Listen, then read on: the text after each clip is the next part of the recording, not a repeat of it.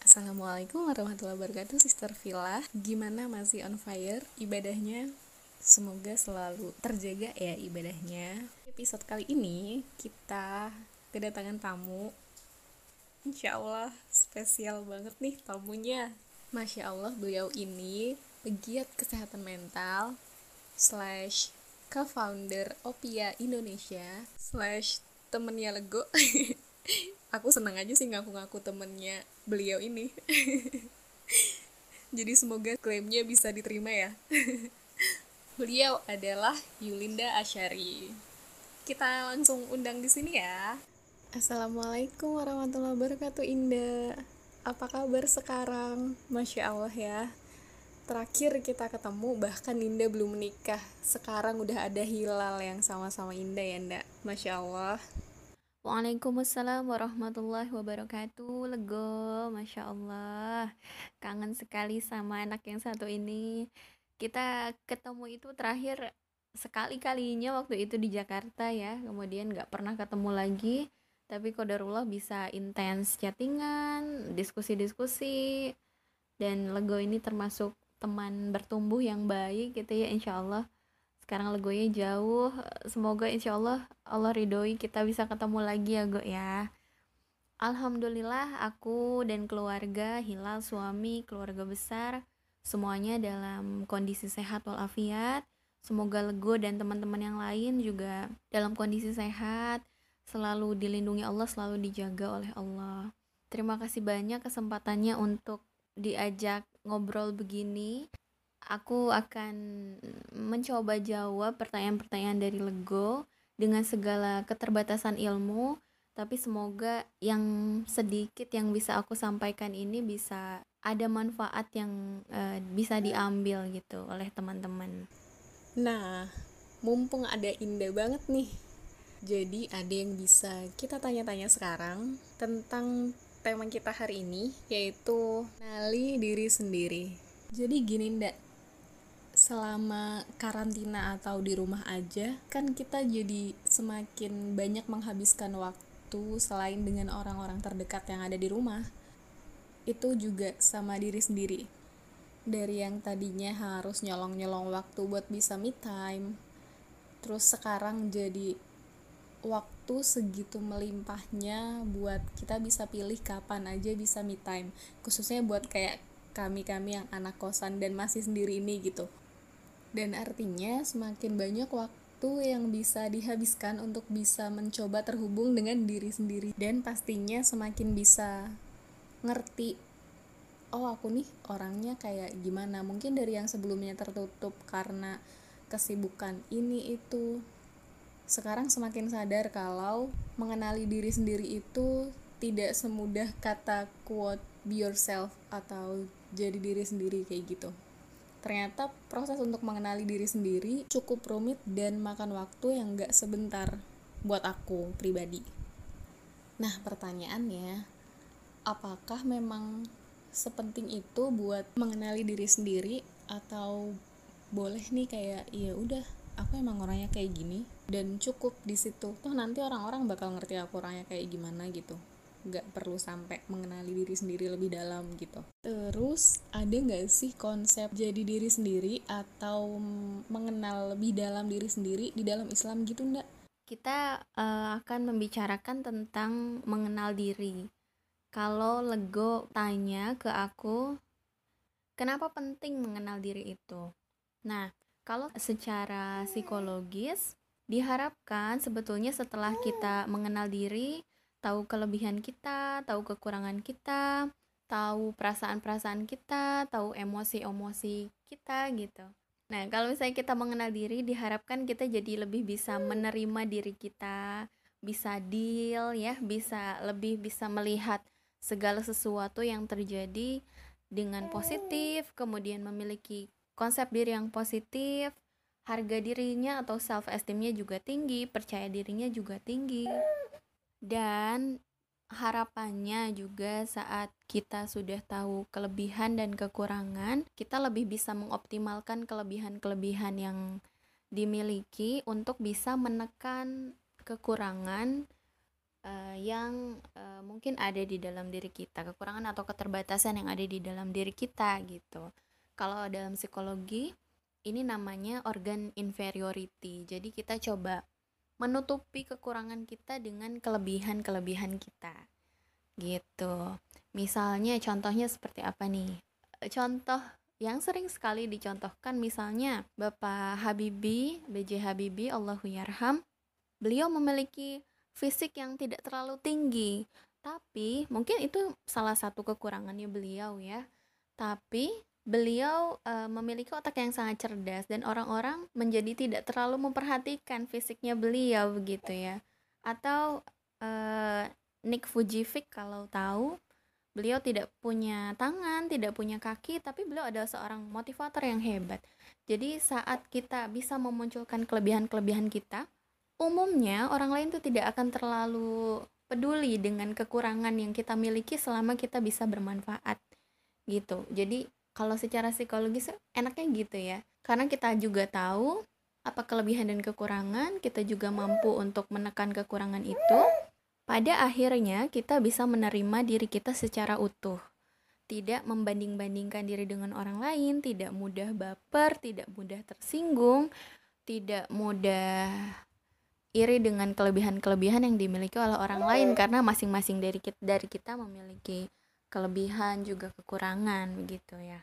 Nah, sekarang terkait konsep mengenal diri dalam Islam atau istilah lainnya adalah ma'rifatun nafs yang cukup penting dari ma'rifatun nafs ini karena ini adalah salah satu kunci bagi kita untuk mengenal Allah. Kan ada ya istilahnya itu ada man arafa nafsah faqad arafa rabbah. Siapa yang mengenal dirinya, ia mengenal Tuhannya. Wah, kalau kita kenal diri, seharusnya kita jadi mengenal Tuhan kita begitu. Kenapa? Karena diri kita adalah ciptaan terdekat gitu hal terdekat dari kemahabesaran Allah jadi uh, kita adalah hasil maha maha karyanya Allah yang banyak sekali tanda-tanda kebesaran Allah dalam diri kita sehingga kalau kita paham diri kita kita kenal diri kita harusnya kita jadi jauh lebih mengenal Allah juga. Nah konsep diri dalam Islam ini lebih uh, mendalam terkait tujuan kita di dunia, kemudian untuk apa sih kita hidup, kenapa Allah menciptakan kita, termasuk potensi-potensi yang Allah berikan kepada kita agar kita bisa mengoptimalkannya di jalan dakwah gitu. Kalau mau beratnya ya, ini omong-omongin yang berat.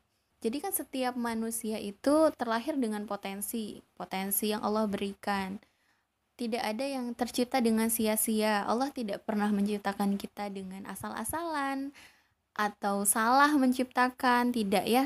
Rabbana ma khalaqta hadza batila. Jadi sesungguhnya Allah itu tidak pernah menciptakan segala sesuatu dengan batil. E, mau apa pun itu ciptaan Allah, sekecil apa pun, sekecil kuman, sekecil bakteri, sekecil mikroba, semuanya ada manfaatnya, semuanya ada tujuannya, semuanya punya misi. Nah, yang perlu kita lakukan adalah kita perlu mencari tahu vis misinya Allah untuk kita di dunia ini tuh apa. Kita gali potensi apa sih yang Allah berikan kepada kita, titipkan kepada kita sehingga kita bisa menggunakannya untuk bisa bermanfaat bagi umat. Kan zaman dulu juga para sahabat memiliki potensi yang berbeda-beda ya. Tidak semua sahabat harus e, bertempur ke medan perang.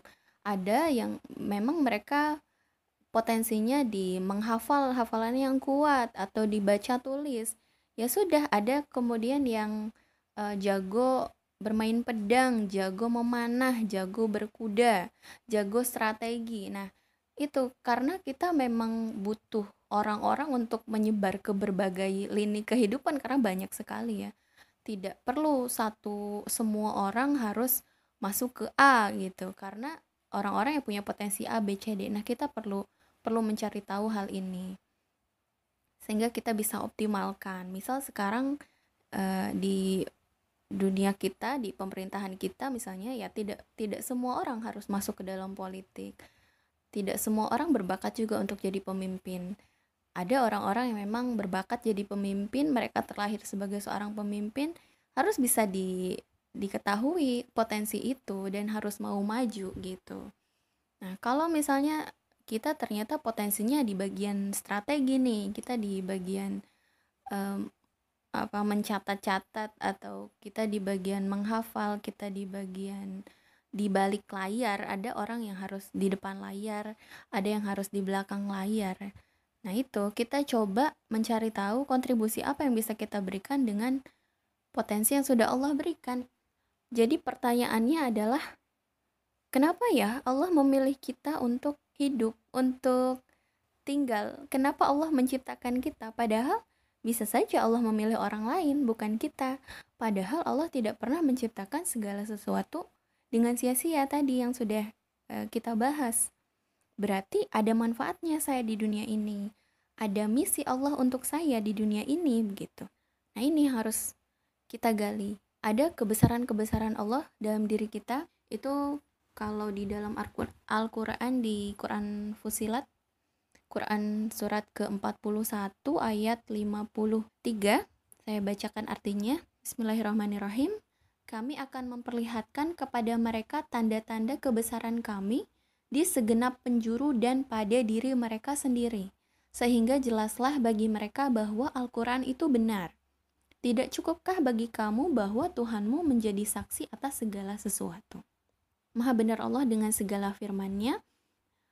Jadi Allah akan memperlihatkan tanda-tanda kebesarannya Allah di segenap penjuru dan pada diri mereka sendiri pada diri kita itu banyak sekali kebesaran-kebesaran yang Allah titipkan. Kita begitu sempurna, kita uh, diciptakan dengan sebaik-baik penciptaan. Jadi uh, harusnya tidak uh, tidak perlu mengeluh misalnya hanya terkait fisik ya. Uh, kita coba gali apa ya manfaat kita di di dunia ini, apa yang bisa kita lakukan sekecil apa pun itu tidak masalah termasuk misalnya menjalani peran sebagai seorang ibu yang di belakang layar wah itu ibu itu luar biasa. Nah eh, kira-kira ibu punya potensi apa nih untuk mendidik anak-anaknya untuk mendukung suaminya dari dalam rumah? Kalau yang konsepnya Islam ini ya aku tuh selalu ingat kata Ustadz Bilal Phillips. Beliau tuh bilang uh, living for Allah means focusing less on who you are and focusing more on who Allah wants you to be. Jadi hidup untuk Allah artinya kita lebih berfokus maksudnya lebih berfokus pada Allah apa yang Allah inginkan dari kita dibandingkan apa yang kita inginkan. Karena itu kan terkait dengan hawa nafsu ya. Uh, tadi gue sempat bilang ah buat apa sih aku kenal diriku sendiri? Aku emang begini misalnya. Ya aku memang pemarah ya aku memang pemalas ya aku memang baperan loh orang lain harus paham dong, mereka dong yang harus ngertiin aku. Sedangkan di satu sisi juga kita kan tidak bisa mengontrol orang lain ya. Kita coba saja kontrol apa yang bisa kita kontrol gitu. Kalau kita memang punya keburukan-keburukan ya kita coba untuk perbaiki. Jangan sampai kita menuntut orang lain untuk memahami diri kita. Kan e, itu lebih sulit gitu dibandingkan dengan kita yang coba untuk merubah diri kita jika memang ada hal-hal yang negatif. Nah, ini kan terkait dengan hawa nafsu. Kalau misalnya kita berkata, "Wah, aku kan emang pemarah, aku kan memang diciptakan pemarah," kan tidak seperti itu ya. Kita harus tahu, kita harus lebih mengutamakan apa yang Allah mau sebetulnya, bukan apa yang kita mau. Apa yang kira-kira akan membuat Allah ridho dengan keberadaan kita di dunia? Apa yang harus kita lakukan? Jadi kalau misalnya ada masalah, kita menghadapi satu konflik, kita fokusnya ke bukan pada pada diri kita sendiri ya tapi pada apa ya yang kira-kira Allah mau dari kita apa ya yang kira-kira Allah mau kita lakukan sehingga kita bisa bisa menyelesaikan masalah dengan dengan objektif gitu. Dan kita kita tidak memendam itu.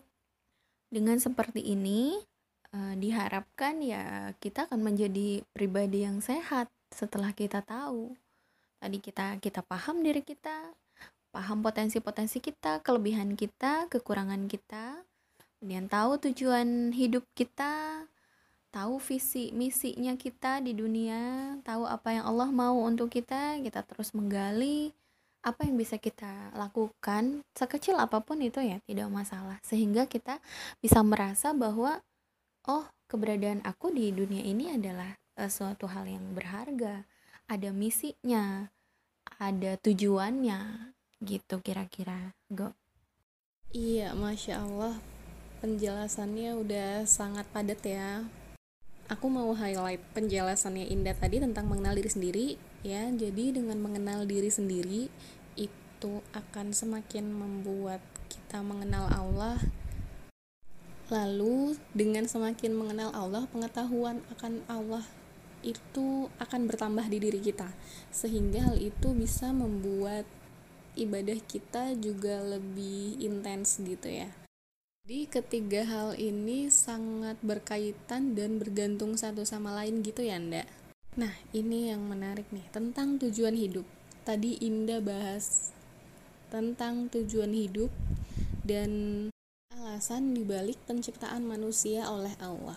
Kalau tentang tujuan hidup, sepengetahuanku itu ada dua ya ndak? E, secara general dan secara spesifik. Kalau secara general itu yang ada di Quran surat Az-Zariyat ayat 56 mungkin kita udah familiar ya sama ayat ini. Bismillahirrahmanirrahim. Wa ma khalaqatul jinna wal insa illa liya'budun. Yang artinya dan aku tidak menciptakan jin dan manusia melainkan supaya mereka mengabdi kepadaku jadi di sini itu tujuan hidup secara generalnya adalah beribadah kepada Allah ini sama kayak yang tadi Indah jelaskan Nah, PR-nya kan berarti gimana caranya kita bisa tahu apa sih sebenarnya tujuan penciptaan kita secara spesifik. Kalau tadi Indah jelaskan dengan lebih mengenal diri sendiri, yaitu dengan mengetahui apa kelebihan dan kekurangan kita, apa potensi kita, sehingga bisa mengoptimalkan kelebihan dan bisa meminimalisir kekurangan kita untuk bisa menjadi bermanfaat untuk orang lain. Nah, secara teknis gimana sih ndak? Caranya biar kita tahu apa sih secara spesifik tujuan hidup aku. Dan kenapa Allah ciptain aku di dunia ini kayak gitu. Mungkin ada step by step gimana caranya untuk bisa menemukan itu gitu ndak dan uh, aku ada pertanyaan satu lagi. Uh, misal ada orang yang dia belum tahu tujuan hidup dia sendiri gitu ndak nah itu kenapa ya? Aku penasaran aja sih alasan di balik itu. Atau mungkin karena dia belum terlalu mengenal diri sendiri atau karena dia kurang mengeksplor hal-hal yang mungkin dia sukai dan ternyata bisa jadi minatnya dan ternyata dia potensial di situ gitu atau karena ya udah mainnya kurang jauh aja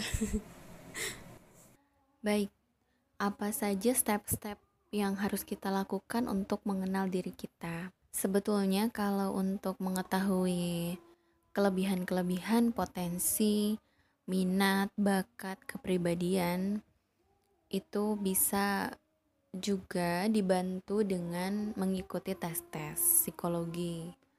Nah, karena itu kan juga berdasarkan penelitian, uh, ilmu pengetahuan begitu ya.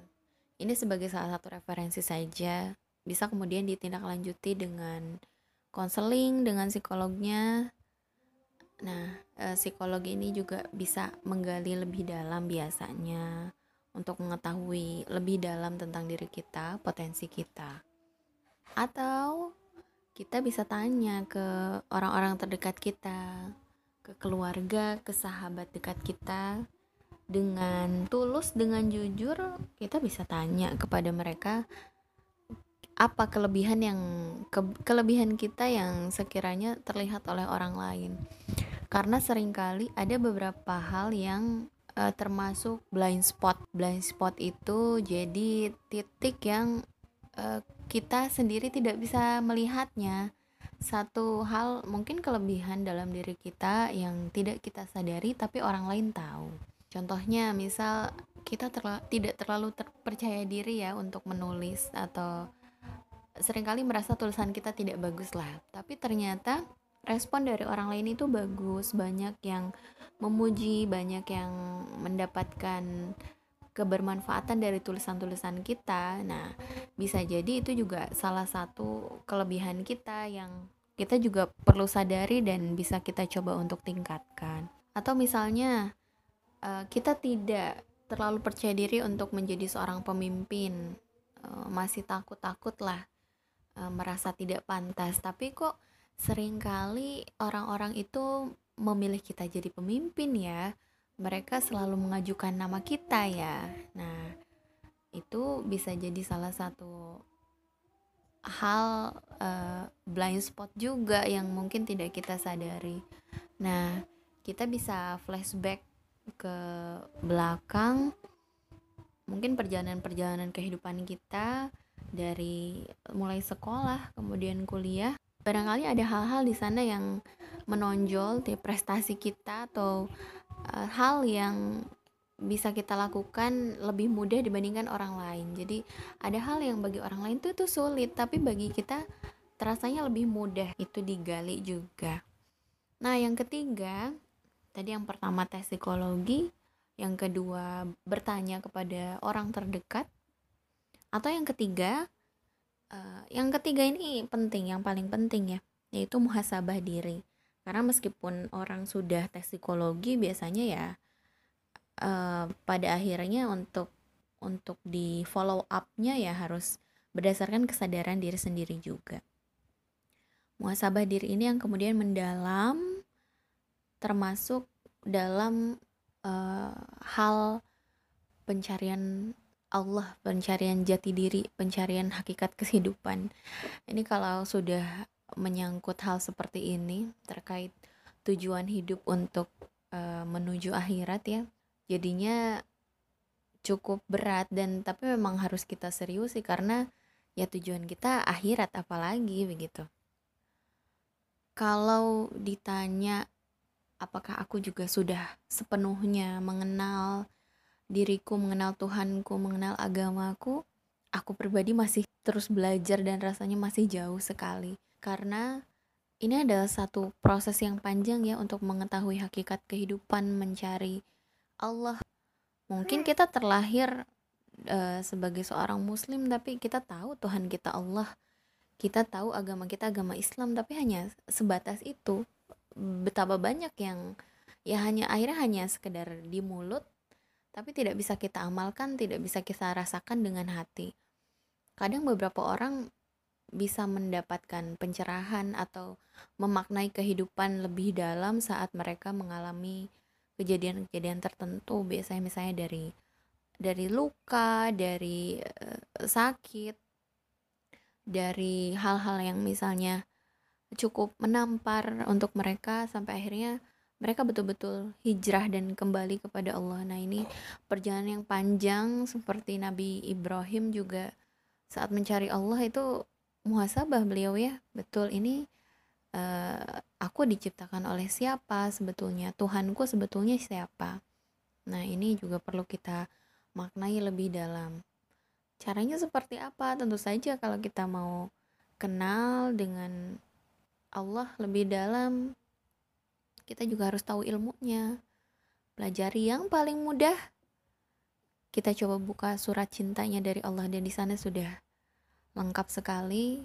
Aku pun masih wah jauh sekali ya kalau masalah itu.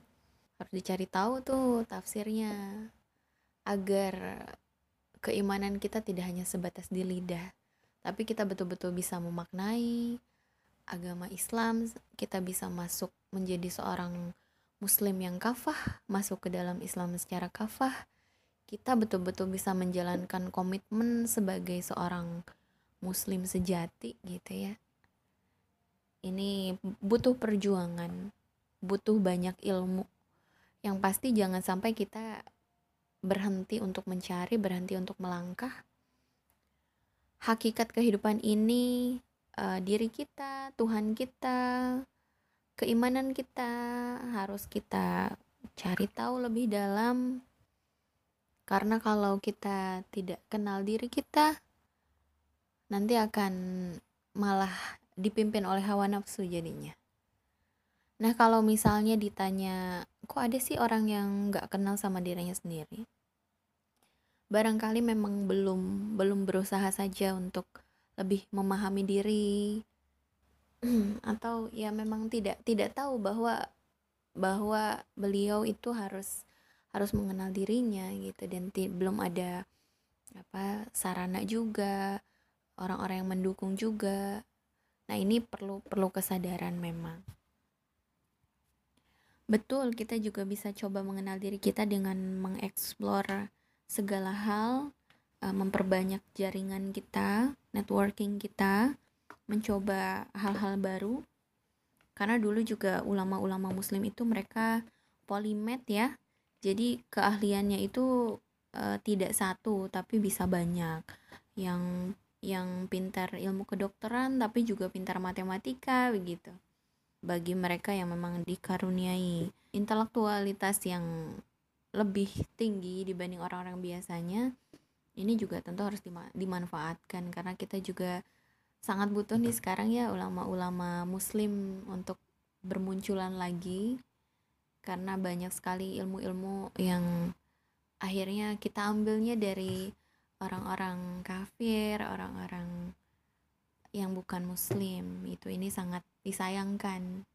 Ya, ilmu dan Al-Qur'an itu tidak pernah bertentangan sih. Jadi mereka berjalan beriringan ini juga kemarin sempat dibahas sih giroh menuntut ilmu kita ini mulai menurun sekali padahal dulu ulama-ulama zaman dulu ya kita memang mencari mencari ilmu itu untuk mencari kebenaran ya banyak sekali hal-hal yang belum terungkap dari kemahabesaran Allah ini wah jadi jauh ke mana-mana ya jadi mengenal diri ini penting sih jadi ini mengenal diri ini hanya satu bagian yang kecil saja yang jika sudah terlampaui nanti bisa jauh banyak hal yang bisa dieksplor. Hmm, berarti proses buat kita tahu tujuan hidup sekaligus sama visi misi kita hidup di dunia ini sangat dinamis ya ndak halnya dengan proses mengenal diri sendiri dan belajar itu juga nggak akan berhenti sampai nanti di ujung kehidupan kita insya Allah. Artinya kita juga harus bisa fleksibel ya dengan perubahan-perubahan yang ada di hidup kita ndak the only thing consistent in life is change satu-satunya hal yang konsisten di hidup kita adalah perubahan itu sendiri Nah, gimana ndak secara ilmiah atau psikologis respons manusia terhadap perubahan dan mengatasi rasa takut terhadap perubahan itu sendiri ndak? Soalnya ketika sesuatu berubah di hidup, itu pasti ada rasa khawatir dan rasa takut yang turut menyertai gitu ndak? Karena perubahan itu biasanya bikin kita tuh nggak nyaman dengan keadaan Nah, kaitannya dengan respons manusia terhadap perubahan, beberapa bulan lalu aku dapat pengetahuan baru nih tentang adaptation quotient. Jadi aku baru tahu banget nih setelah ngobrol-ngobrol sama salah satu atasan dan beliau tuh nanya-nanya keadaan kami di tempat penempatan ini kayak gitu. Terus beliau ngobrolin deh tentang adaptation quotient ini atau kecerdasan adaptasi. Apakah kecerdasan adaptasi ini berbanding lurus enggak sama kemampuan kita buat atasi kekhawatiran-kekhawatiran atau rasa takut terhadap sesuatu yang baru itu tadi. Terus, ini agak diborong ya pertanyaannya ndak. Uh, aku sendiri sejak di penempatan ini ngerasa kalau adaptation quotient aku nih rendah karena susah banget nemu zona nyamannya di sini gitu ndak nah ada nggak sih cara-cara biar bisa mengoptimalkan kecerdasan adaptasi? Mungkin dari sisi eksternal ataupun internal kita gitu ndak betul dunia terus berubah kondisi berubah bahkan manusianya juga berubah salah satu tantangan saat aku belajar psikologi pun karena memang objeknya ini manusia dan manusia itu selalu berubah-ubah. Hari ini begini besok belum tentu. Jangankan seperti itu pagi A bisa saja eh, siangnya jadi B. Itulah kenapa ya untuk melakukan psikotes ini juga bisa berbeda-beda dengan uh, kondisi dari pesertanya ya. Jadi kalau misalnya pesertanya sedang dalam kondisi fit, tentu berbeda hasil tesnya saat mereka dalam kondisi sakit atau ngantuk atau lapar. Nah, ini jadi menarik. Makanya kadang teman-teman yang mau psikotes untuk melakukan pekerjaan tuh tanya ke aku, apa ya yang harus dipersiapkan agar bisa lolos psikotesnya karena sering kali ini juga jadi momok yang mengerikan ya psikotes ini. Uh, beberapa orang gagalnya di psikotes. Aku selalu bilang kalau mau psikotes itu persiapannya adalah tidurnya harus cukup harus sedang dalam kondisi sehat harus sudah makan tidak dalam kondisi lapar tidak ngantuk kemudian harus rileks harus tenang. Karena itu yang akan membuat kita lebih optimal dalam mengisi psikotes kalau misalnya ternyata hasilnya tetap tidak lolos, itu berarti uh, barangkali memang bukan kepribadian kita yang seperti kita yang dibutuhkan oleh perusahaan atau kepribadian kita kurang cocok dengan pekerjaan yang kita lamar. Bisa jadi begitu ya. Dan memang tidak mudah menghadapi perubahan-perubahan dalam diri, dalam dunia, dalam lingkungan sekitar Bagaimana caranya untuk bisa menghadapi perubahan ini karena tidak mudah? Yang pertama, kita harus menyadari bahwa everything is change. Semuanya berubah, memang berubah, memang akan berubah. Ya, kehidupan itu seperti ini. Jadi kalau ada klien yang datang ke psikolog itu biasanya yang pertama kali eh, kita lakukan adalah kita menyadarkan dia bahwa ya memang masalah ini terjadi. Beberapa orang tuh sulit melihat solusi karena mereka terlalu resisten dengan perubahan. Eh, orang-orang cenderung begitu ya, mereka tidak mau menerima menerima bahwa ada masalah ini, bahwa perubahan ini terjadi dalam diri mereka, bahwa ada yang bermasalah dengan kehidupan mereka gitu. Jadi yang pertama perlu perlu kita sadari dulu dengan sadar sehingga kita bisa langsung fokus kepada solusi dibandingkan terus-menerus berfokus pada masalah. Setelah kita sadar, kita harus tahu juga bahwa oke okay, semuanya berubah, oke okay, ada masalah, tapi show must go on. And Tom is not impressed with your complaints gitu. Jadi waktu tidak akan terkagum-kagum, waktu tidak akan terpesona, tidak akan terkesan dengan keluhan-keluhan kita. Dia akan terus berjalan masalah itu tetap terjadi, perubahan itu tetap terjadi, dan kalau kita tidak berusaha untuk fokus kepada solusi, mencari solusi, maka ya kita yang akan mengalami kesulitan gitu. So, harus dicari solusinya. Kita sadar, oh, memang berubah. Oh, memang seperti ini. Oh, memang ada masalah. Oh, memang ternyata aku mengalami hal ini. Lalu apa yang harus aku lakukan? Nah, itu baru kemudian kita mencari solusi yang real untuk bisa menghadapi semua ini. Tidak bisa kita resist terus-menerus. Kalau terkait adaptability quotient yang dikatakan oleh Lego, sepertinya ini sebuah term baru ya dan lebih uh, lebih pada setting workplace atau dunia kerja. Jadi memang di dunia kerja ini juga harus cukup diperhatikan mengenai kesehatan mental para pekerjanya. WHO juga menghimbau ini ya untuk uh, mental health at workplace ini karena banyak sekali stresornya, banyak tekanan-tekanannya. Bagaimanapun di perusahaan pasti ada target juga sampai akhirnya jadi menekan karyawan bosnya juga sama jadinya ya pemilik perusahaan juga mengalami tekanan-tekanan karena lebih baik HRD uh, eh, merangkap psikolognya itu betul-betul harus memikirkan kesehatan mental dari para pekerja di perusahaan tersebut. Lalu bagaimana caranya agar kita bisa meningkatkan kemampuan kita beradaptasi terhadap perubahan? Kalau misalnya adaptasinya di setting pekerjaan mungkin akan lebih spesifik jika dibahas oleh psikolog yang berfokus di bidang industri dan organisasi ya. Karena bisa jadi berbeda cara kita beradaptasi di setting pekerjaan dengan di kehidupan, masalah-masalah kehidupan yang lain. Tapi kalau misalnya secara general, secara umum, cara kita agar bisa beradaptasi dengan perubahan yang pertama langkah yang bisa kita lakukan adalah kita harus menerima itu tadi ya. Kita harus menerima bahwa perubahan adalah sebuah keharusan adalah sebuah kepastian. Kita berubah kondisi berubah dan kita harus beradaptasi.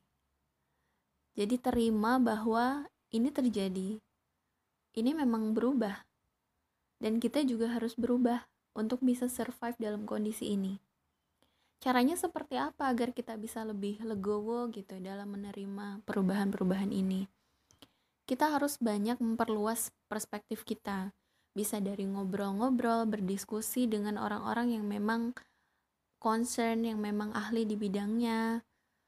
Eh, lalu kita juga bisa uh, meminta atau bertanya uh, feedback-feedback positif dan konstruktif dalam rangka perubahan yang mungkin bisa kita lakukan. Nah, perubahan ini kan tidak selamanya positif ya, bisa jadi kita melihatnya sebagai satu hal yang negatif. Tapi it's okay, karena ini tetap harus kita jalani.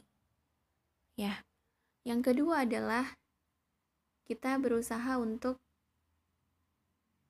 memahami juga faktanya saat kita berubah jadi ini harus agak sedikit nggak idealis ya. Saat kita berubah mungkin kita juga akan mengalami tantangan-tantangan tertentu kita juga akan mengalami kegagalan-kegagalan tertentu. Tapi yang pasti kita jangan sampai kehilangan tujuan kita. Oke kita berubah tapi tujuan kita tetap sama. Mungkin bisa agak sedikit dipahami ya.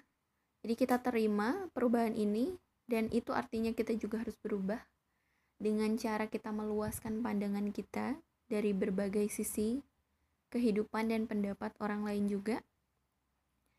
Yang kedua, kita tetap berubah. Kita tahu bahwa pasti ada tantangan, pasti ada permasalahan. Mungkin juga kita akan gagal saat kita berubah, tapi kita jangan sampai kehilangan tujuan-tujuan kita. Yang ketiga, kita cobalah menulis perubahan-perubahan yang mungkin kita bisa lakukan. Jadi menulis action plan-nya.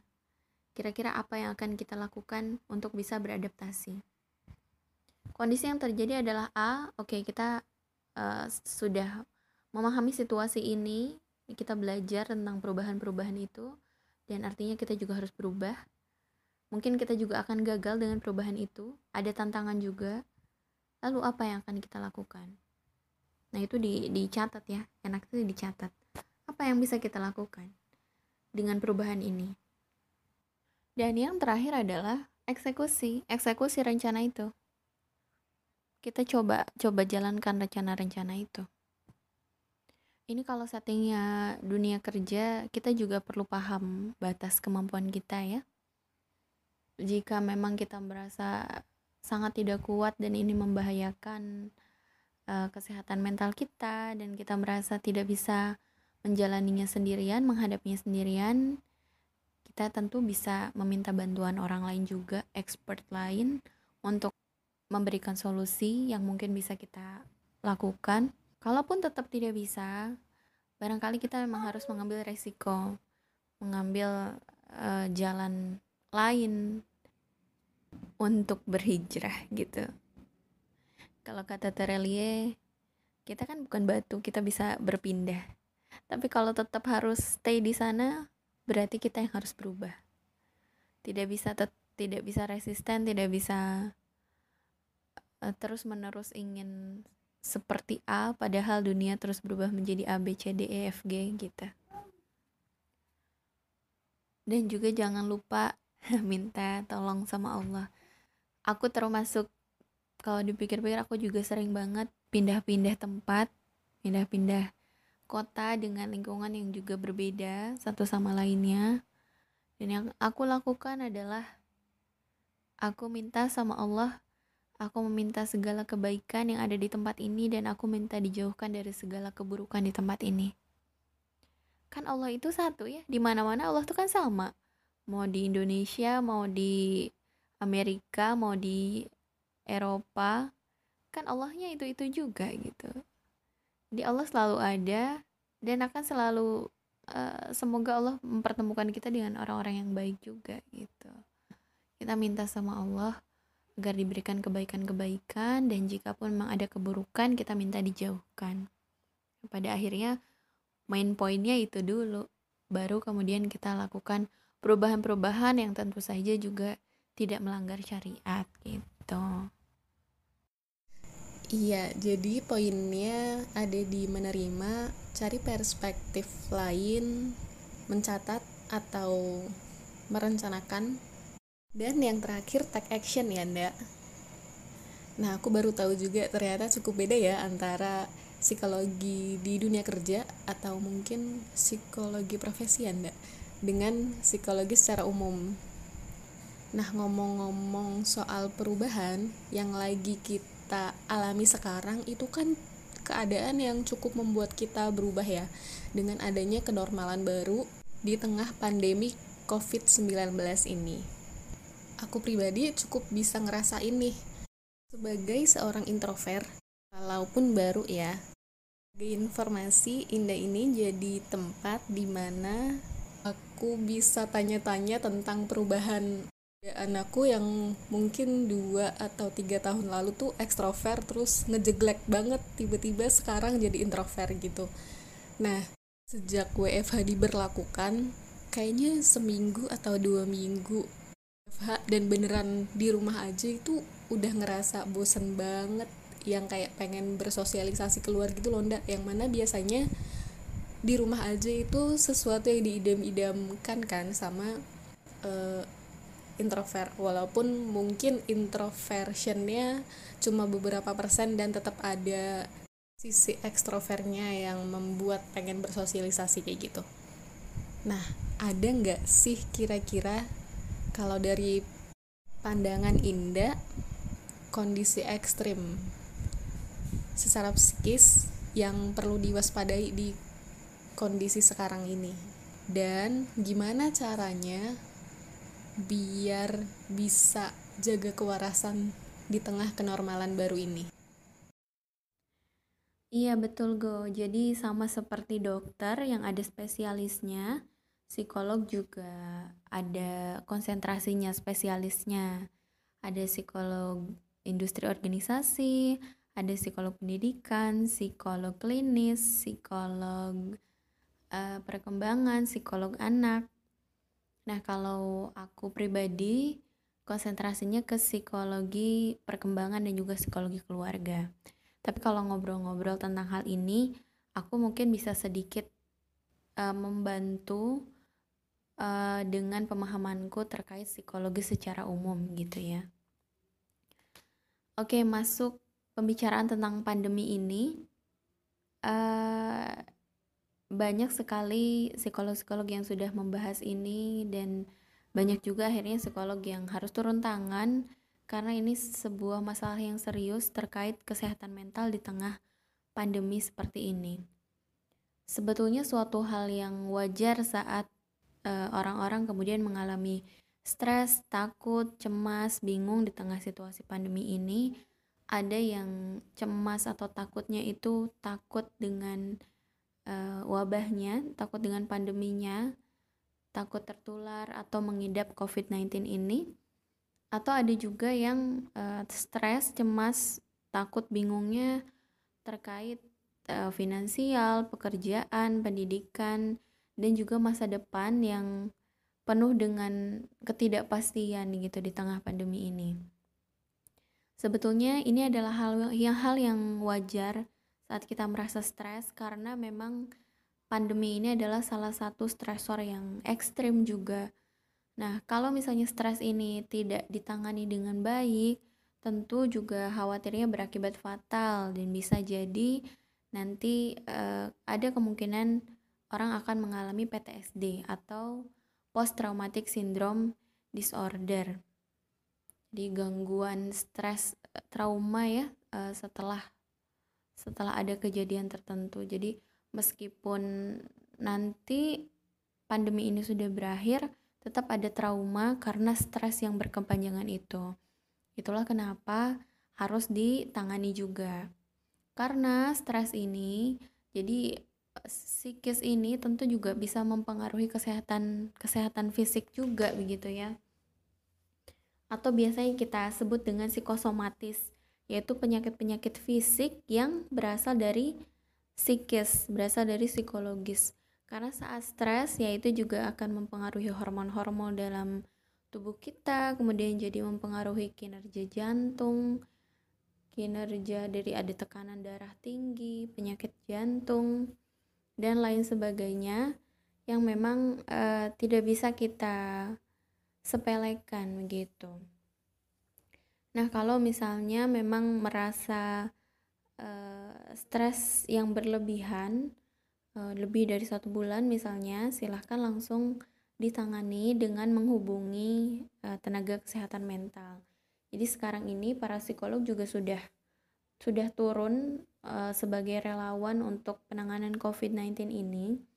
Hampir di setiap daerah itu ada ya, ada layanan psikologi uh, telepon secara gratis jika memang masyarakat merasa uh, pandemi ini sudah sangat mengganggu kehidupan uh, kehidupan sehari-harinya, kemudian jadi berlebihan stresnya, merasa tidak bisa uh, apa tidak bisa menangani ini dengan sendiri maka boleh konsultasi. Seperti itu. Kalau hmm, lalu bagaimana caranya agar kita bisa uh, tetap menjaga kesehatan mental di saat seperti ini di pandemi seperti ini caranya adalah kita harus bisa memilih-milih informasi boleh Eh, mengetahui atau mencari tahu terkait informasi COVID ini tapi tidak berlebihan dan kita juga harus memilah-milah. Karena kalau misalnya kita terus-terusan mencari tahu tentang hal ini, itu juga kurang baik ya. Jadi terus-menerus kita mengisi otak kita dengan hal-hal negatif terkait pandemi ini, akhirnya juga malah jadi kepikiran, kemudian drop juga uh, apa kondisi ke kondisi kesehatannya. Jadi harus pandai juga memilih informasi. Kita sekadar tahu aja deh kondisinya uh, pandemi ini seperti apa perkembangannya agar meningkatkan waspada kita. Itu saja, tapi untuk korek-koreknya lebih jauh kalau kita rasa justru dengan semakin banyak kita tahu, semakin kita merasa cemas, semakin kita merasa stres.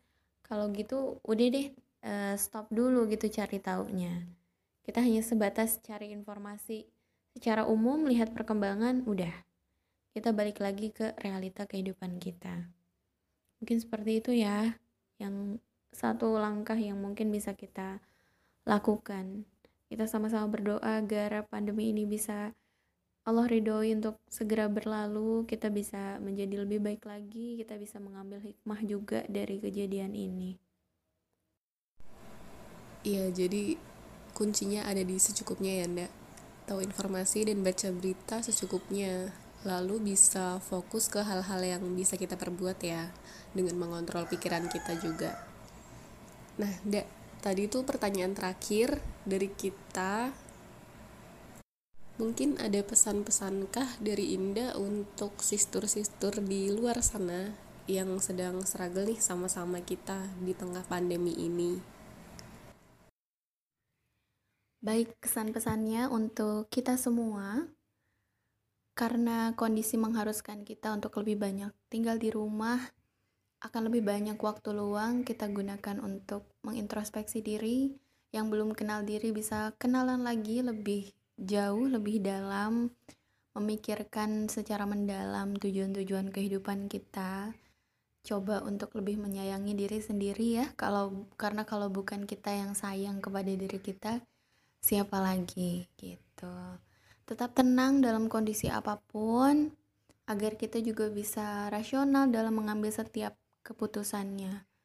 Tetap bijak dalam memilih informasi, sekiranya informasi-informasi yang kita baca itu membuat kita lebih khawatir, lebih stres, lebih cemas, maka coba kita pilih-pilih ya, di stop dulu.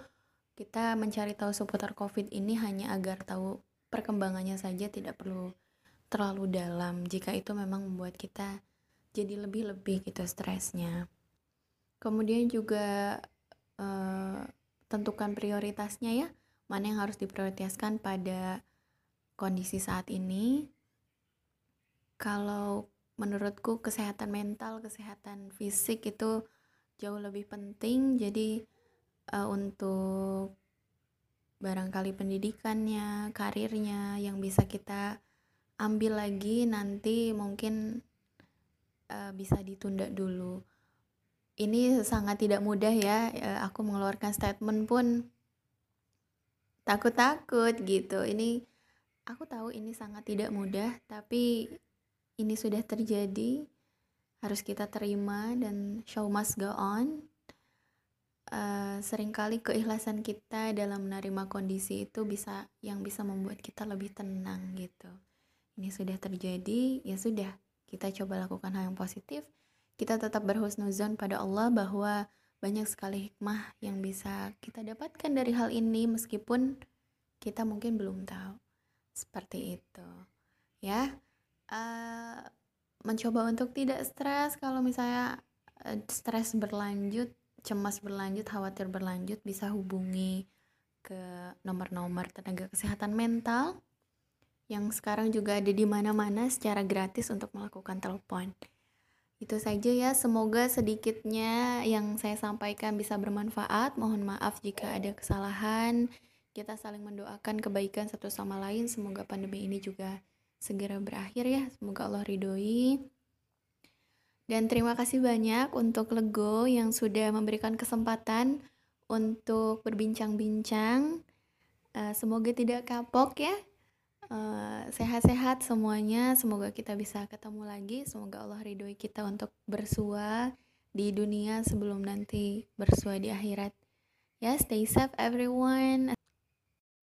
Masya Allah, jazakallah khair, indah waktunya di tengah-tengah agenda indah yang luar biasa sibuk masih meluangkan waktunya untuk ngobrol sama-sama di sini Semoga Allah ridho dengan virus corona ini agar semakin cepat selesai pandeminya dan semoga Indah dan keluarga kecilnya Allah berkahi. Insya Allah ya ndak sehat-sehat ya ndak di sana.